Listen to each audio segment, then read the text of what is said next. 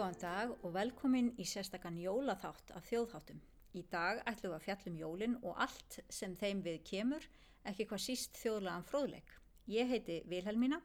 Og ég heiti Dagrún. Og í þættinum í dag þá ætlum við að hitta þjóðfræðinga hérðan og þaðan og spurja þau aðeins út í einmitt jólin og þeirra jólahefðir.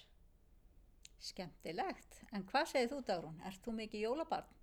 Já, ég myndi segja að ég verði mjög mikið jólvatn. Ég byrja alveg að telja niður jólin bara í byrjun desember og skreita og svona. Já.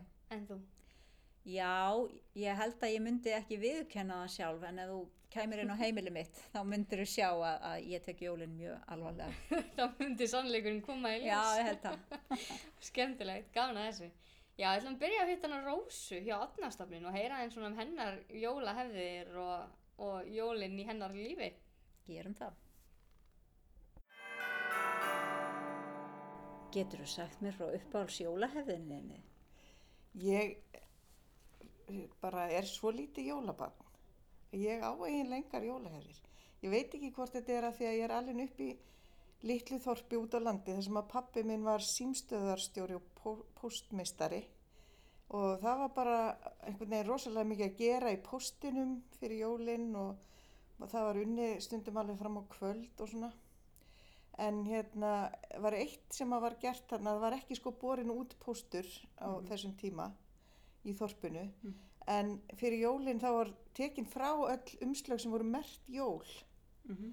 og svo var borin út póstur á aðfangadag og það gerðum við krakkarnir og mér fannst það alltaf voða gaman að koma og fór maður í hvert einasta hús í þorpinu og afhendi jólapóstin Já, þannig að það er svona góð jólaminning. Já, það er það. Já.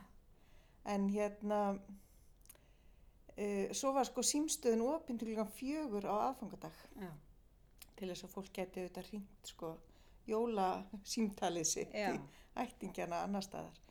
Þannig að, þetta var einhvern veginn allt dálítið svona, mikið um að vera. já, mikið um að vera fyrir jólin og það var ekki mikið svona verið að eitthvað mikið jólaskraut og eitthvað svona heima hjá mér. Og ég er einhvern veginn alveg upp við þetta og þetta er einhvern veginn haldis hjá mér. Ég skreiti til mér jólatrið aldrei fyrir ná bara að þorlagsmessu eða Mhm. jafnvel aðmátags morgun sko. Mm og hérna, og ég er til dæmis ekki, við erum ekki fann að setja upp neinn jólaljós en þá er hérna búið að taka upp jólaseríun og hún er ennþá upprúluð í og ekki búið að setja henni í samband. En uh, þannig að sko þetta er ekki svona mikið. Nei.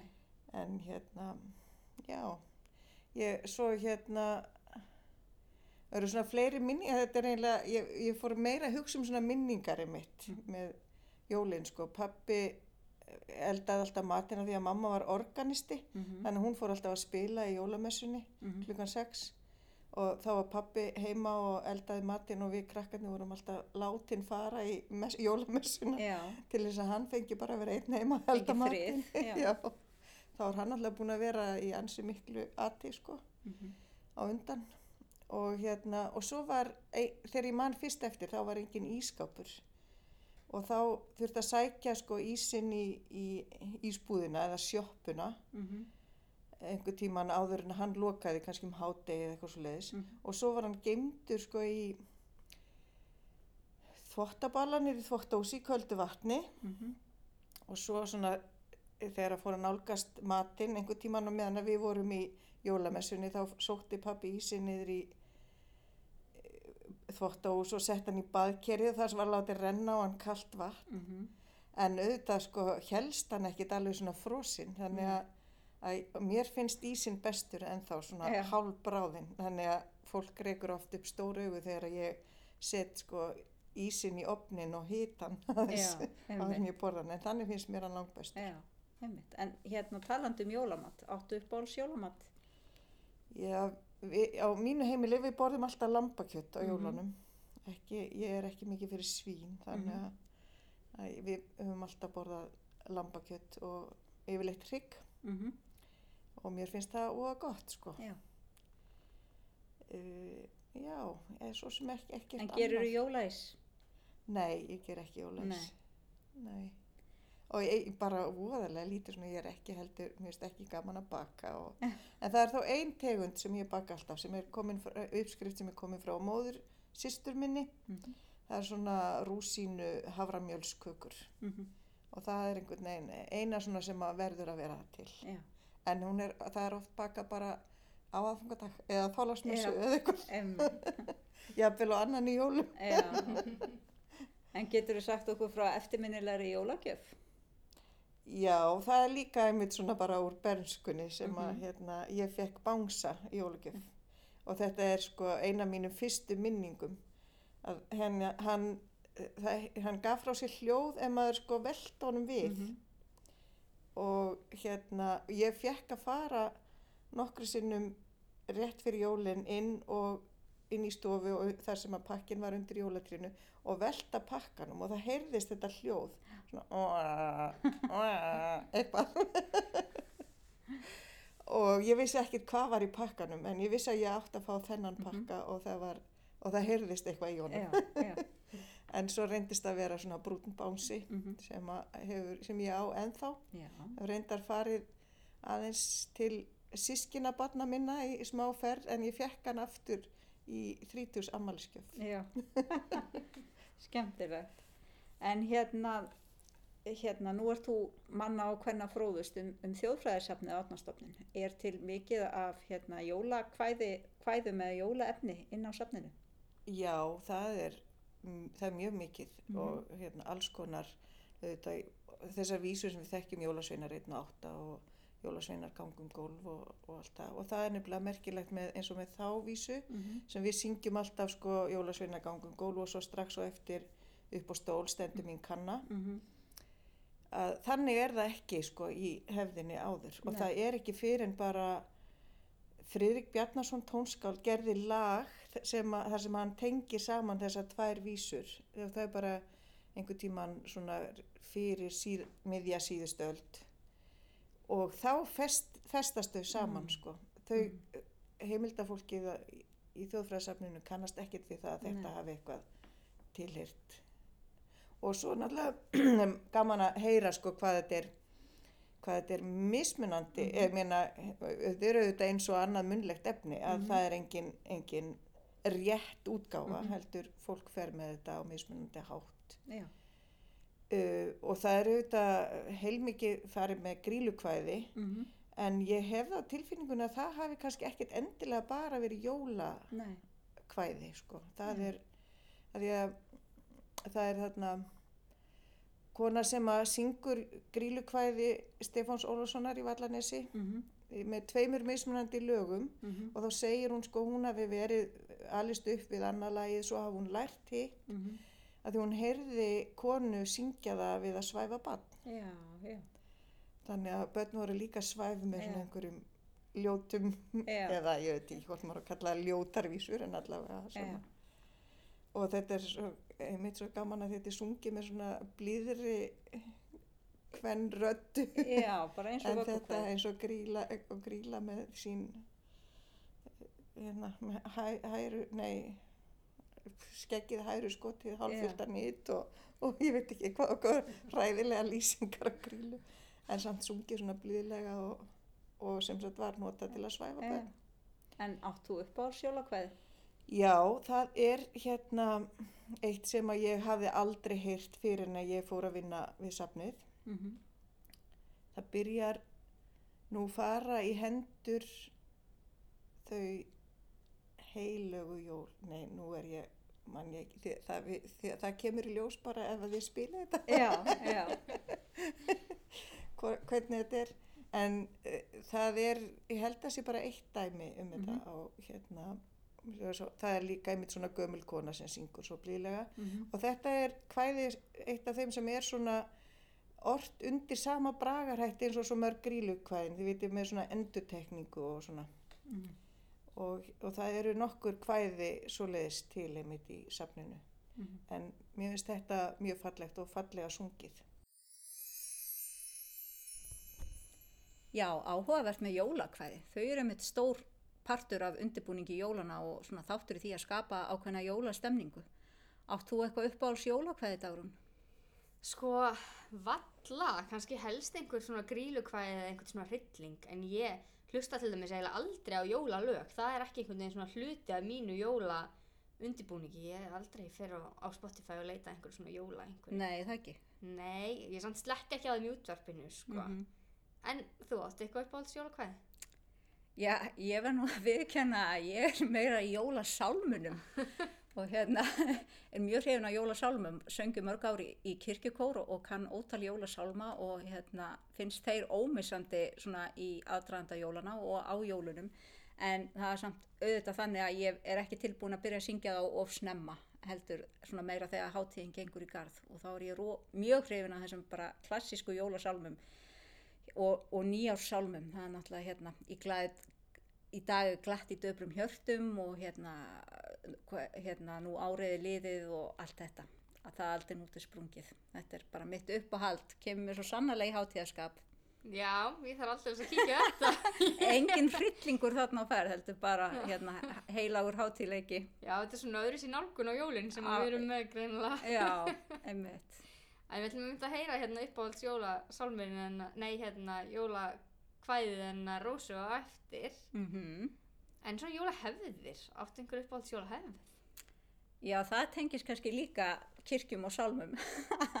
Að þá myndi ég segja, ég veit ekki hvort maður kannski kalla þetta hefð en svona uppáhald stundin mín á jólum er einmitt í jólamessunni hérna á aðfangadagskvöld klukkan 6 þegar maður í lók messunar hérna stendur og kirkjan er náttúrulega stapp fulla fólki og allir taka hástöfum undir í heimsum ból. Og þetta er alveg hérna bara yndisli stund og ég fullir í það að þá er engin að hugsa um jólastress eða jólapakka, jólamatin eða eitt niður neitt heldur bara gleymir hérna fólk sér í, í söngnum þannig að já, það er svona uppáhald stundin mín á jólum en þú Dagrún Mér finnst skemmtilegast held ég sko, við spilum rosalega mikið um jólinn. Það er svona eiginlega svona, mín held ég uppáhalds jólahefð er bara hvað við spilum rosa mikið og við byrjum bara strax á aðfangadag og við erum náttúrulega fjögur sískinni þannig að við erum svolítið mörg. mm -hmm. og hérna og svo á jóladag þá fórum við alltaf öll hérna e, í heimsókn til afa og hittum þá stórfjölskylduna og spilum en það verður nú öðruvísi ár. Mm e, en svona ég lakka alltaf til að hittast og spila Já. það eitthvað svona jólalegt. Já. þó að það sé nú gömul hjátrú að það sé stránglega bannað að spila. Já, emmi það er svona misján hvað hva menn leggja upp úr hjátrúin eða skemmtileg heitin Já, hvað verður ofan á? Já, en við ætlum að hitta hann Ága líka núna sem er doktorsnum í þjóðfræði og heyra svona um hans uppáhalds jólahefð og, og jólaköttin líka. Ú, gerum það Áttu þér einhverja uppáhalds jólahefð áki? Sko, já, alveg nokkra sko. Um, Þorlagsmessu partíið Mm, er mjög skemmtilega hefð. með skötu? Já, með skötu og, og, og snafs og, og öllu. Um,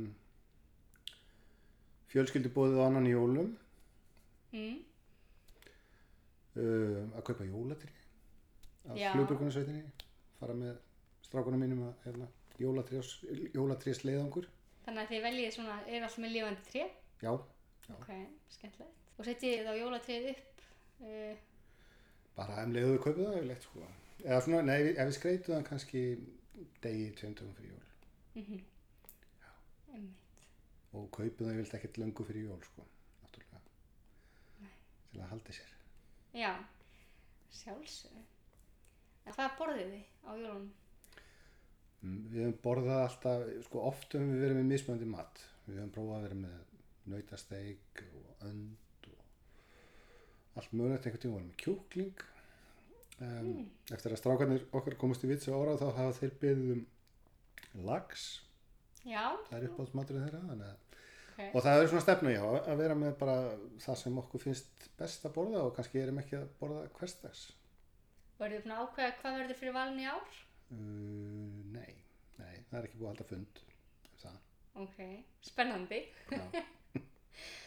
En svona smákökur og annað sem fylgja í jólunum. Já, við, sko, við höfum verið frekar lötuð að baka smákur, uh, svona alveg upp á síðkastið. Við höfum oft bakað pipakökur. Uh, uppáhaldskökurna mínar semst og minni æsku eru hérna rúsinukökur sem er svona hafra, hafra litlir hafraklattar með rúsinum. Um, og stundum við höfum bakað spesjur og eitthvað svona, flera, prófað eitthvað nýtt. en já, við höfum svona ekki verið mjög duglega við þetta Mhm.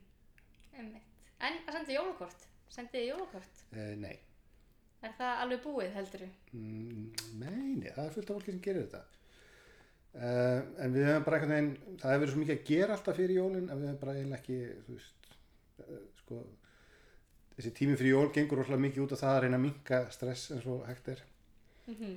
og hérna, já, og þannig að við erum ekki, við erum ekki bætt á okkur verkum hérna umfram svona það sem okkur finnst hægulegt. einmitt. Þetta er ykkur uppáhalds jólagjöf sem þú hefur fengið svona gegnum tíðina. Það fengið þið alveg fullt af aðeinslega jólagjöfum genið tíðina. Um, ekki segjum hann eftir. Það hefur verið þá þegar ég á bann, sem að, Mm já, Sem að það er kannski mest að spennaðin yfir jólagjöfunum. já, já, sannarlega. Algjörlega, já. En þú hefur verið aðeins að skrifa um jólaköttin núna eða ekki? Jú, undanfærið, af því að við erum að gera vef um íslenska þjóðtrú á ennsku. Og jólakötturinn er eitt af þessum fyrirbærum, svona þjóðtrú fyrirbærum íslensku sem hefur vækið aðtikli elendis. Það er kannski út að skri- skrifum í hérna, greipvæn, Reykjavík greipvæn og, þannig hefur þetta svona farið og svona að því að, já, mér sýnir svona fólk vera kannski það svona ákveðin áhugi á svona þessum myrkari hliðum jólana og svona jólaskrimslum og, og það hefur jólakotturinn komið sterkur inn sem svona framlag Íslands í þetta þetta skrimsla hérna, skrimslavæðingu jólana Já, hann er með frekar ógeðfelda siði, er það ekki? jú, jú, hann sem sagt, jú hann, hann sem sagt, ef, börn er ekki nú duglega að framleiða föt og fataefni fyrir jólin í, í sveitabæðunum þá hérna þá sveitabær já, sweatshop, ennska orðið skilt þessu, einmitt hérna, þá er, er það borðan að þau Já. Já, eða, eða getur frá þeim matinn annarkort Já, sem er ekki sérstaklega fallega gert. nei, sérstaklega ekki jólunum Nei, Já. nákvæmlega allir býða spenntir eftir matnum. en veist, af hverju heldur þessi áhuga á myrkulið jólana? það er bara ekki alveg sko þetta er svolítið, það var náttúrulega hérna, Tim Burton gerir fyrir einhverjum árum hérna, þessa mynd um, um hérna þegar þegar rekkjavöku hérna fígúran hérna uh, graskirs maðurinn reynir að stela jólunum. Um, en það er eins og hún sé eiginlega að takast það svolítið. Já, það er eitthvað svona, já, það hefur verið svona alltaf áhugi undanfærið á svona á því að sjá jólinn fyrir sér einhverju svona smá hryllingi sko. Og svona kannski vekja aðtekli á svona okkur hryllingi kringu jólinn og það er sjálfur sér ekki skortur á því í íslensku þjóðtrú eh, svona svona hryllingsverum eh, sem byrtast um jóluleitið og, og hérna og gera ymsan óskunda. Nei, ummitt, það er nóg til á þeim. þetta er kannski bara að duglega að kynna þeim eitt fyrir svona fyrir umhefinum sko. Já, Já, hérna, ég held að nú sé einmitt tíminn fyrir svona, já, algjörlega, þetta er spennandi jóla fyrirbæri þannig sem að algjörlega, takk fyrir þetta. Ok, Já, þetta er nú aldrei skemmtilega jólaskefna, jólakötturinn. En hérna, hvernig er það dagrún? Ferð þú í jólaköttin? Færðu þið nýja flík fyrir jólina? Hvernig er þetta hjá þér? sko ég hugsa ég hugsa alltaf um þetta, þetta er alltaf svona baku eitthvað svona, já, bara jólakötturinn muna hérna, nýföt eitthvað en í- nei, ég geri það samt ekkert endilega, Mm svo hugsa ég bara aðfangið það bara, oh, dem en ég gleymi því þangað til sko. en hjá þér Já, ég segi það sama. Ég hugsa tölvört út í þetta og, og svona kannski blundar í mann einhver löngun að fá sér nýja flík en, en ég fyrir nú eiginlega alltaf í jólaköttin. Verð bara að viðkynna það og læt aðra heimilismeðlimi ganga fyrir að fara ekki í jólaköttin, sérstaklega börnin. Mér er umhugað að venda þau fyrir jólaköttinum. já, fórnar sjálfur þér Já, En svo er þetta náttúrulega breyst með jólakvæti núna eins og með hérna aukveðinni áherslu á umhverfisvend. Já, einmitt, einmitt. Núna er svona slagur, svona farðu í jólakvætin eða ef meir fá notið svona, Já, það er bara einmitt, svona breytast tímarnir. Já, nákvæmlega, skemmtilegt. En hérna, svo hittum við líka hann Jón á Rannsóknsetri Háskóla Íslands á Ströndum og hann sagði okkur frá hérna jólasveinunum því að jólakötturinn er nú alls ekki eina jólaskrimslið sem að Nei. heimsækir okkur Íslinga. Spennandi. Hérna verður til að segja okkur kannski bara örstutt frá uh, jóla fjölskyldunni, illræmdu, alræmdu hm, sem kemur Hann til hægt að byggða. segja svo margar ljótar sögur um, um grílu og, og hennar menn og, og svo jólasveinin að það væri efni í margar stórar bækur af því að, að, því að þeir hafa já, frá fornum fari verið til vandræða í, í sveitum landsins og hérna en hafa nú kannski skánað dálítið upp á síkastið og eru farinir að haga sér eins og menn svona nokkrir dálítið jólasveina hópur sem að gefur börnum í skóinn og, og hérna gemur á jólaböll og, og skemmtir. Þeir hafa með sér sungið inn á plötur og alls konar svona upp á tæki hjá þeim á síðustu árum en, en áður fyrir það voru þetta óttalegir óþokkar. Þeir voru þeir komu á heimilinn og brutu og brömluðu og skemmtu og stálu mat og voru svona almennt séð til mikill að leiðinda á fyrri öldum Já, einmitt. Hver myndir þú segja að væri þinn uppáhalds jólasveinn? Ja, minn uppáhald sjólasveitn er alls ekki einn af þessum sem að hérna, fólk þekkir í dag af því að sko, áður fyrir þá voru jólasveinarnir alveg fjöldamargir og mismunandi eftir sveitum og síslum hvaða, hvaða jólasveina sagt, hvaða jólasveinar upp þekktust þar og hvar, hverjir komið til byggða þar og uh, það er hérna einn jólasveit sem heitir Lækjaræsir sem ég hef mikla samúð með og, og hérna og ég held að hann hafi alltaf verið að svona reyna að breyta farvegi lækja og gilja. Og bara nafnið svona gefið það til kynna og, og kannski þá hefur hafa gilinn og, lækirnir lættu fyrir bakkana og, orðið til vandraða þannig. Lækjaræsir mjög stund að vera svona algjörðu vegagerðar jólasveit og hann, ég, ég svona hef trú á að hann hafi verið að hjálpa til. Þegar ég var krakki þá var það mitt líf og yndi að vera úti þegar það reyndi mikið eða, eða vera að brasa við eitthvað lítinn læk að reyna að breyta farveginum á, á læknum. Þannig að ég finn svona til smá samkendar með hún lækjaræsi Heldur hann hafi verið miskilinn? ég held að hann hafi verið mjög skilin svona í gegnum tíðina já. En svo voru þarna óþokkar líka eins og reykjasvelgur sem að sem að sogaði í sér reikin um stromp, sem kom upp við strompin á, á húsunum og svo laumaðist inn í, inn í baðstofun og púaði reiknum framann í fólkið og stundum lagðist hann yfir strompin þannig að húsið fylltist að reik og, og komst, reikunum komst ekki út. Það hefði nú verið svona hálf andstyggilegt í myrkrinu að þurfa að búa við svoleiðis hrekkjalóm. Og svo var eitt sem heit lungnaskvettir sem var svona einn af sem allra hræðilegustu. Hann, hann hljópa eftir börnum og, og var þannig skapaður að lungun hengu utan á honum en ekki innan í búknum og hann svona já, hann reyndi að berja börnin með blöytum lungunum sem er nú svona hálf ógulegt og ég hef séð heimildir þar sem fólk segir að þessir jólasveitna, þessir tveir jólasveitnar hafi verið þeir allra andstyggilegust og verstu Einmitt. Ég trúi því, það hefur verið mjög óspennandi að mæta þessum kvikindum í myrkurinu. Já, og svo var það líka náttúrulega sko jólasveinar hafa breytt aldrei um stíl í gegnum tíðina þeir, uh, stu, í gömlum sögum segir stundum að sko, þeir hafa verið með risastórar fætur og klær og lappirnar að þeim hafa verið svona eins og tunnu hlemmur einhvern veginn.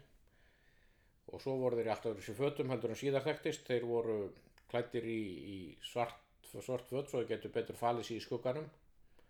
Eða þá í svona gráum fötum eða, eða jafnvel í svona þverröndóttum svona eins og fangabúning og það er setni tíma hugmynd að þeir hafi verið svona í einhverjum svona bændafötum eins og þessi sem heimsækja þjóðminnsafnið núna og það er, það er sko það er fráleitt að, að 19. aldar fólk sem var í svoleiðis fötum hafi haldið að jólasveitin væri eins klættur og, og það sjálft þannig að þetta, þessi hugmynd um bændafötin sem að mönnum finnst nú, þeim sem að núna er að berjast á móti rauðu fötunum að því að sem að jólusveinar eru farnar að klæða sig í upp á síðkastið að, að því að na, þessi bændafatta hugmynd er alveg að fráleit eins og, eins og, og svo rauðu klæðin.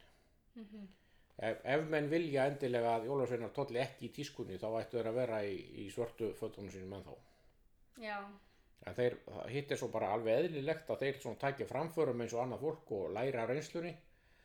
Og hérna og það er náttúrulega gert þeir hafa séð hvernig sko Nikulás eða Sankti Klaus hefur hérna notið mikill að vinsælda í, í, í Erlendis og verið frægur fyrir þessar skógjafir og fleira slíkt og hérna bara beinlýnis, þeir hafa bara beinlýnis tekið upp hegðun hans á síðustu árum og það er nú til mikill að búta og gott að menn svona sjáu að sér eins og jólafröndin hafa gert. Já, við verðum að gefa þeim annað tækfæri, þú veist það. Já, já, núna sko, það verður gaman að sjá hvernig þið þróast næstu, næstu ára tugi eiginlega. Mm. Hverju þeir taka upp á, á breytum tímum. Já, algjörlega, hvert að COVID hefur mikil áhrif á þá núna í þetta árið. Ég hugsa að þeir séu í einangrun bara og hérna næstum því allt árið bara til að geta sínt sínu starfi þennan, mánuð sem eru að koma til byggða. Já, það er spurning hvort þið takkið upp rauðar grímur í stíl við galan. Það má vel vera einhverju þeirra séu passa samir en það eru þeir ábyggilega í áhættu hópi allir sem veit vegna aldurs og, og, og svona fyrir starfa.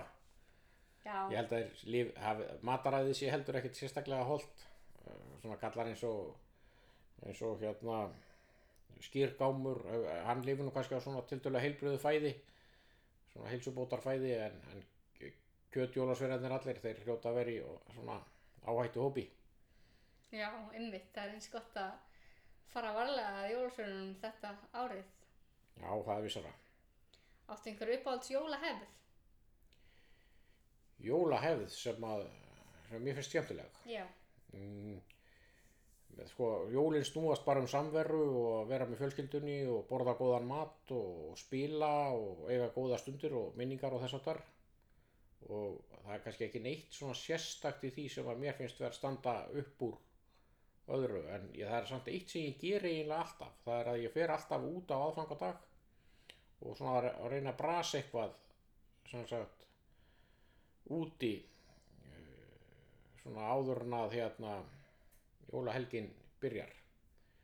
Mér finnst svona gott að, að hérna gaman að festa sig í skabli kannski á, á bílnum og þurfa að móka hann upp eða eitthvað þýrlíkt eða gera eitthvað svoleiðis.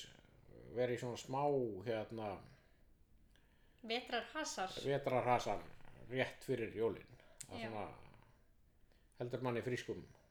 Ymmit. það sem eftir lifi dags. Og þetta er nú skrítin hefð. Þetta er ekki beint hefð. Kannski en, en svona, mér finnst þetta nöðsilegt og ég fer alltaf inn til Hólmavíkur á aðfangadag svona í kringum hátegi rétt áður en búðin lokar til að kaupa einhvern óþarfa sem ég vantar ekki neitt Eh, bara til þess að svona svona líta þess í kringum mig og, og komast út Mm. og finnst skemmtilegast þegar veðrið sem vest og, og hérna ófært og, og erfitt að komast Einmitt. Kannski loka spurning bara, dettur þér eitthvað í hug sem besta og versta jólagjöf sem að þú hefur fengið? Besta jólagjöfin. Uh, Ég held ég fái svona til dæla venjulegar jólagjafir svona kannski ekki neitt stórkostlegar eða svona eða svona hérna yfirgengilegar. En þegar ég var krakkið þá fekk ég mjög mikið að bókum í jólagjöf og á þeim tíma þá voru það bestu jólagjafirna sem ég gæti hugsalega fengið af því að ég var mikill bókaormur og, og svona jólin snerust aldrei um að að svona koma sér fyrir einhver staðar út í hotni og, lesa og lesa og lesa.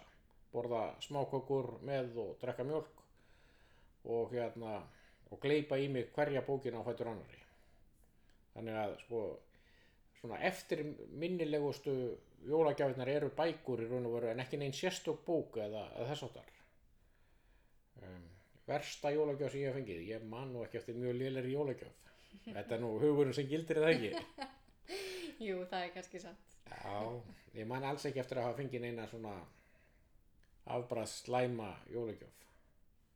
Nei, það er kannski mjög gott. Já, já, það er líka. Heppin með það.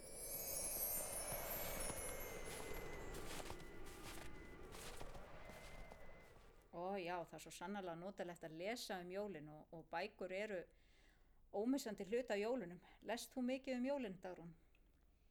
Ég gerði það miklu meira. Mhm. Ég las rosa mikið þegar ég var yngri og miklu duglegri þá. Núna þegar maður er alltaf í skólanum og er alltaf að lesa, maður kannski meira í frí um jólin. Já, gefur augunum frí. Já, en þú?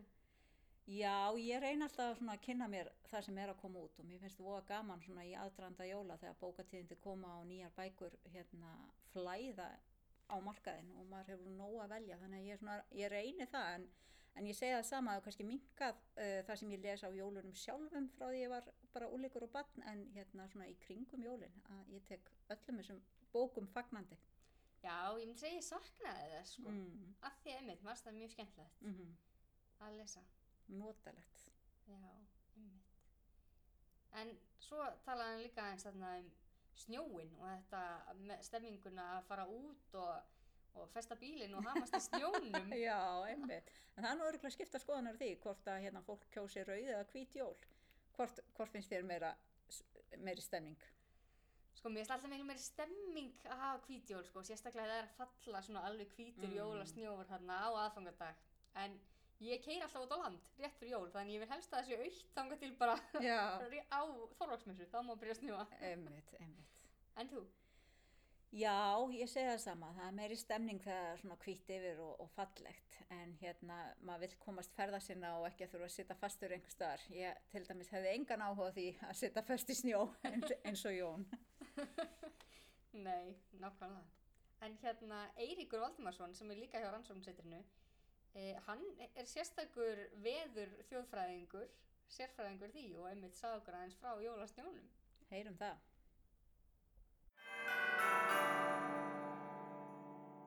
Þú hefur svo mikið skoðað veður, það ekki? Jú, það passar. Uh, Mastersreikjum minn í þjóðfræði fjallaði mynd um alþýðlega veðurspár og svona veður þekkingu Íslandinga og þá bæði skoða ég heimildir sem tengjast veður og veðurspám fornar og nýjar og talaði líka við fólk í samtímanum sem ennþá gáður til veðurs og kann að gá til veðurs svona byggt á gamalli þekkingu sem það læriði sjálft og hefur kannski bara þróað með sjálfur sér sem er merkilegt, mjög merkilegt Já, myndur þú segja að þú væri veðurglöggur? Guð nei, alls ekki uh, en það búast allir við því hins vegar þess að ég gerir þessar rannsótt sko. þannig að stundum sumir, ég held að fólk sem fara að gerast upp á því sumir hafa verið að ringi mig og spyrja mig hvað mér finnist um hitt og þetta hvað er að gerast, ég veit sjaldnast neitt sko. en ég hef mikið áháð ég pæli samt mikið í því þó ég sé ekki mjög góður í þessu sko. en hérna, mér samt svona, jú þekkingin er skemmtileg en hún er rosalega krefjandi. Það, eitt af því sem er að koma út úr viðtölun ef þú ætlar að vera veðurglöggur þá þarfst að gefa þig að því 100% þú þarfst að líka þú veist, þú þarfst að byggja þetta alltaf á góðu minni þú þarfst að pæla hlutunum og þú ert svona pínu eins og eins og vél sko, þú ert svolítið svona að, að, að sapna upplýsingum og muna þér Og skolti svona æfingin skapar mistræðin kannski? klárlega, klárlega og það er ég bara, þú veist, mestar í einhverjum allt öðrum sviðum greinilega sko en ég er rosalega gaman til að tala um þetta við fólk hins vegar og lega fólki að segja mér hvað, hvað, hvað það hefur reynt og lært Já, einmitt. En er einhver svona veður þjóðtrú sem er tengd jólunum eða hvort það verði mikil snjór eða? Já, sko, það er allavega einn sem hefur að minnast á. Það er unni, uh, fólk verðist að tekja eftir því hvernig veðri var á aðfangadag, jóladag, annan í jólum og svo framvegis. Og það veður til þeim sem var á aðfangadag átti að vera þá eins, eða sem janúar mánuður átti að vera eins og aðfangadagur, jóladagur átti að marka þá februar og svo koll af kolli. Þannig að fólk var sagt að taka, að pæli því hvernig veðri var á þessum heilugu dögum og það átti þá að marka þetta alltaf upp af næsta árs og þetta er svona alveg svona klassist einmitt að reyna, reyna þegar fólk hafði ekkert annað að reyna rýna í allt smátt og stort og þarna verðast þessi heilugu dagar eða svona jóladagar þar sem hátíðin var meiri heldur en flesta aðra daga taldi fólk sem geta einhvern veginn komist nær einhverjum sannleika og einhverjum, haft eitthvað spágildi fram í framtíðina sem að var svo lítið af fólk Mhm. hafði ekkert annað rauninni sko. Nei, nákvæmlega. En skiptir þetta máli eða, eða veðrið hefði svo rosalega mikil áhrif á já, líf fólk? já, nákvæmlega. Og bara, einmitt og, og, og kannski, kannski róa það hugan Mhm. ef að segjum að aðfangadagur, jóladagur og annar jólu voru bara ótrúlega rólegir mánuðir, engin vindur og stilla bara. Þá gætt fólk kannski farið rólegt inn í nýtt ár, jafnveg þó allt fæði til fjandans í veðrinu sko. Það var þá bara eitthvað annað Mhm. skilur þetta er, þetta er heldur, þetta snýst um sálarheill held ég gamla bændasæfælis smarta því sem kemur fram í þessari sko veður, skástrygg dagatrú Mhm. sem er svo rík og, og um margt áhugaverð sko Mhm. Einmitt, mjög áhugavert. En svo er alltaf draumar líka, endalausir draumar fyrir jólum og, og hérna það sem eru hvítar kindur og, og minnstættar kindur sem eru að hérna, og kettir í draumum sem eru að olmast og anskotast það sé fyrir hinn og þessu sko það er alls konar tákn fyrir einmitt og þetta, þetta snýstir rosa mikið um það hvort það sé snjór eða ekki snjór á veituna það er einhverja svona einna liklónum Já, áhugavert. Myndur þú segja að það skipti þig máli hvort það eru rauða hvít jól svona upp á jólastemminguna? Já, sko ég bjó alveg í tíu ár í Reykjavík og ég held að það hefði bara verið einu, hafi einu sinni komið rauð jól og því tífabili. Nei, fyrir ekki hvít jól og það var alveg ömurlegt að hafa öll þessi rauði jól. Fyrir mig bara, þú veist, ég ólst upp ykkur stær í Skagafyrði, náttúrulega bara hérna í snjó og villisu og, og hérna, og það voru bara jólin, eða þú veist, það var bara veturinn. Veturinn kom í óttabér og hún fór í mars, april. Það var bara neginn og það var snjór allan tíman. Eitthvað neginn, sko, já, þannig ég er miklu vanalið því. Mér, ég kemst meira í jólaskap þegar það er snjór. En á sama tíma, í janúar, februar, mars og það kemur svona jólasnjór, þá verður ég óslega dabur. Mm. Og bara, af hverju gæti þetta ekki verið bara, þú veist, á áfangadag eða eitthvað svo leiðis. Maður fyrir þennan pakka, sko. Já, já. Þannig að þetta er svona, já, áhrif tíma og rúms og hátíða á tilfinningarlífið er greinilega ótvírætt, sko. Algjörlega. Náttu einhverja svona uppáhalds jólahefð?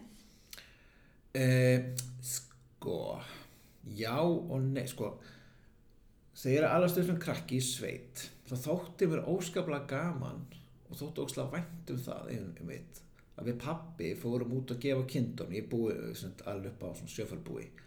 Við fórum aðfangadag út og gáum kindunum og gáum svona ríflega og, og gáum kannski ekstra góða tugg og eitthvað svo leiðis og hérna, mér fannst það eitthvað svo jólalegt, það voru all, alltaf snjór eins og áður hefur komið fram.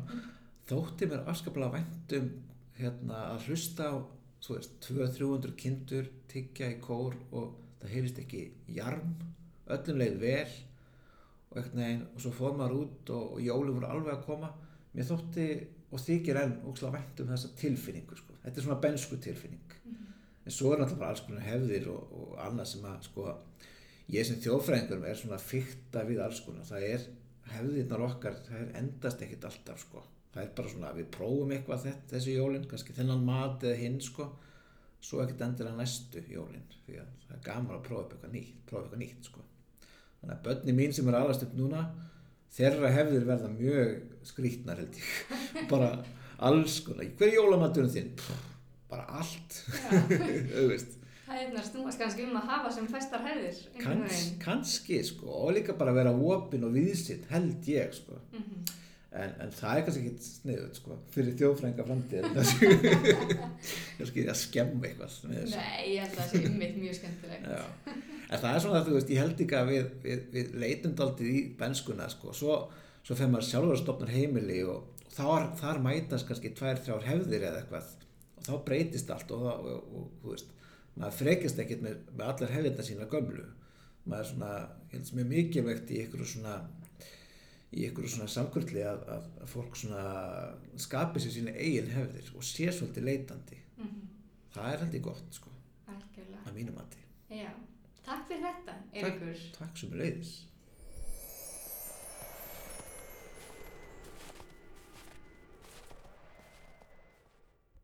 Já, jólamatur, hann er svo sannlega stór partur af jólunum hvað fólk borðar og óhefbundin matur. Dagrún, þú ert nú sérfræðingur í óhefbundum jólamat, er það ekki? Jú, ymmit, uh, óhefbundnum jóla, eða svona hefbundnum kannski jólamat trölla sem er óhefbundin fyrir okkur. Og óhugnalegur. Já, það er bara þannig sko að tröll í íslenskum þjóðsögum þau borða bara venjulegan mat allt árið kring þá Mhm. borða þau helst bara sílung og lambakjöt og fjallagröðs og eitthvað en um jólin til hátíðabreiða vilja Já. þau lifta sér aðeins upp svona eins og við Mhm. mannfólki og fá sér þá mannakjöt Já, hér. og fara þá til byggða og reyna að ná í einhvern til að hafa á hérna í jólamatinn Mm og er oft með svona hlaðborð, góðar sögur af því Já. að jólin haldi svona, nei, tröllin haldi svona jólaveislur og bjóði til hlaðborðs Gera þá vel við sig eins og mannfólkið, Algjörlega, Já. sko, en náttúrulega gríla er auðvitað frægasta mannættan okkar, sko, og En hún er matvönd. Já, það er nefnilega svolítið sérstakt við grílu, það er ekki það sem er sérstakt að hún komi um jólin, heldur um það að hún borði börn Já, og sérstaklega óþekk börn, já. þannig að hún er mjög, mjög sérstakann smekk sko, en, Hún er vandlátt. Já, Mm algjörlega, en hindfröllin borða helst bara fullar fólk sko, helst fullarna kallmenn, Já, þeir, það er þeir sem þurfa að vara sig um jólin sko. það er þetta með miðaldra kallmennina, þeir eru í hættu fyrir ímsu, er það ekki? tómi tjóni. En talandi um hefbundin jólamat, þá er laufabröð ómissandi, ómissandi í, á borðum margra í, í kringum jólin. Bæði það að búa til laufabröð, borða laufabröð. Erst þú Mm. mikill jóla, laufabröðs unnandi, Dárún? Sko, við borðum svona keift lögabröð, við Mhm. gerum það ekki sjálf. Ég hef Nei. bara einu sinni fengið að pröfa að gera lögabröð, fór þá Mhm. mm heimsókti vinkonu akkurat þegar það var gert. Fannst það mjög skemmtilegt samt, sko, aðalega hérna að skera út listaverkin. Já. Þannig að ég er nú ekki mikið lögabröðskona, sko. En þú, er þetta gert? Já, sko, ég fætt á Akureyri og, og fóldra mínu byggu þar um tíma og þar lærðu þau að gera lögabröð og tóku þessa hefð með sér. Þannig að hérna, fjölskylda mín hefur svona haldið þessu við gegnum árun og gert lögabröð og, og við- alltaf bóðið upp á lögabröð á jólunum og hérna, og mér finnst það svona tilhera og hef gaman að þessu. Já. Við borðum piknik, sko. Já, svona karteflustrá, Já, það er ekki lögabröð. Nei. það er alls ekki lögabröð. En við rættum við mikinn lögabröðs sérfræðing og, og lögabröðs áhuga konu sem er Dagný Davísdóttir á Akureyri. Já, skemmtilegt.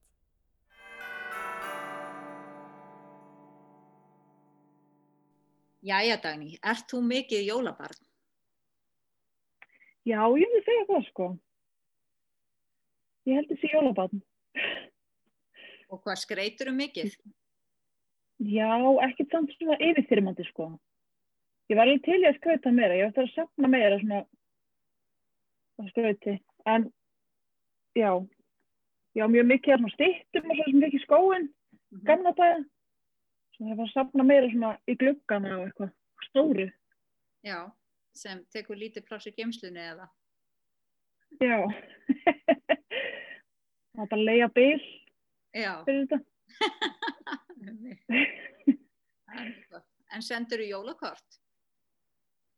Já, ég hef alltaf gert það. Ég verið mjög svona, þú veist, sama hvað er mikið að gera. Því að það hefur alltaf verið mikið að gera í desember sem er í prófumúslis. En sko, ef sérstaklega eftir eignað spöld, þá tók ég þessu mjög alvarlega. Það fannst mér allir fyrir að fá mynda þessum stórkoslu börnum. En já, það er svona, mér leiði pínu eins og væri svona ætlast til að mér. Mhm, Og hef bara mjög gaman að því, sko. mhm. Og færðu mikið að jólakortum? Ekki að mikið auðsendi. Aðalega myndabönnum. Já. og fór með með pappa og svona en ég er ekki að spá í því það sem ég skrifa alltaf niður hverju sendi mér Mhm. þú veist í fyrra Mhm. ég nenni því ekkert, ég sendi bara einn sem ég með langar ég ætla ekki að fara að ætla þess að allir hinnir nenni þessu Nei. líka sko en núna er ég bara með svona tilbúin texta í og skrifa svona smá auka hverju ef, ef mér langar Mhm. það er ekki séns að ég nenni að handskrifa þetta sko Nei. En er áttu uppáhalds jólahefð? Já, það sé ekki bara laufabrauði og kannski allar jólamyndirnar. Já. Mér finnst mjög gaman að horfa jólamyndir. Mhm. Ég elska hann Jim Carrey útgáfuna Christmas Carol, Mm. jólasögu Mhm. og bara æla allar sko. Æ, þetta er bara eitthvað svo huggulegt, það verður eitthvað svo kósi eitthvað réttur í jól. En segð okkur aðeins meira frá laugabröðinu. Þú sagðir að það væri ein af uppáhaldshefðinu þínum og bara sérstakt áhugamál og rannsóknarefni hjá þér. Hvað er svona áhugavert við? Já, ég, ég hef gert laufabröð bara frá því mann eftir mér og mér fannst það ekki alltaf gaman sko, þó ég segi þetta núna. Mhm. þú veist, þegar ég var úlingur þá bara var ég ekki að næða þessu kosti en gerði samt, þú veist, svona stafin á, á minn og, og þú veist strafnum sér skotin í eða eitthvað en hérna já, ég bara ég ákvaða að fara eitthvað að skoða þetta í, í einhverju verkefni fyrir nokkrum árum og þá eiginlega komst ég að því bara svona hvað þetta er merkileg hefð eða mér finnst hún mjög merkileg. Þess að gömul hefð og gana að lesa um þetta og mér það komið svo óvart hvað var lítið til um hvað sem er í gangi núna en allir vita, þetta er svona típist þjóðfræði svona að veit þetta allir og þarf ekkert að veist, tala um þetta. Og það var þannig í einhverju heimild fyrir, man ekki hvað mörgum árum 200 eða eitthvað það sem var skrifað, þarf ekki að tala um þetta veit allir hvað það er. En þú veist, við veitum ekkert núna hvað það var. Við veitum ekki hvort það er eins og lögabröð sem við gerum í dag. Þannig að mér finnst mikilvægt að sapna meir um þetta og ákvæmt því að, að að halda áfram með þetta. Vilja ég segja eitthvað svona um sögu lögabröðsins. Já, eins og kannski margir vita, sem, sérstaklega sem hlusta á þetta, að þá er lögabröði, það fyrsta sem við vita um lögabröði er að það var flatt svona mikið út vegna skorts á hráefni og fólk var að reyna að ge- nota það sem átt bara eins mikið og hægt var.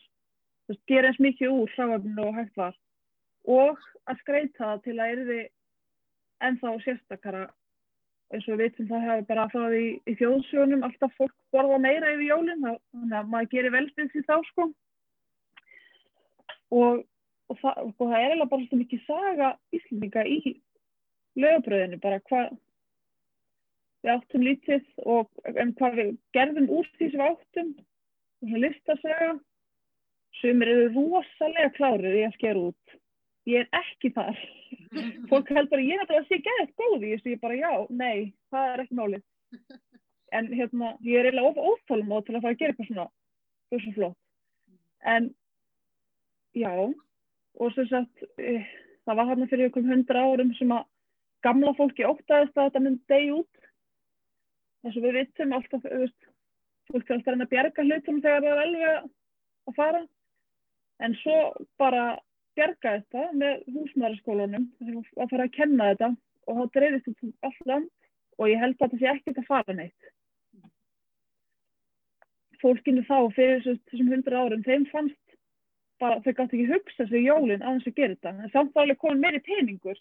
En þetta er bara hefðin er bara, ég held að það sé bara hugulegheit sko.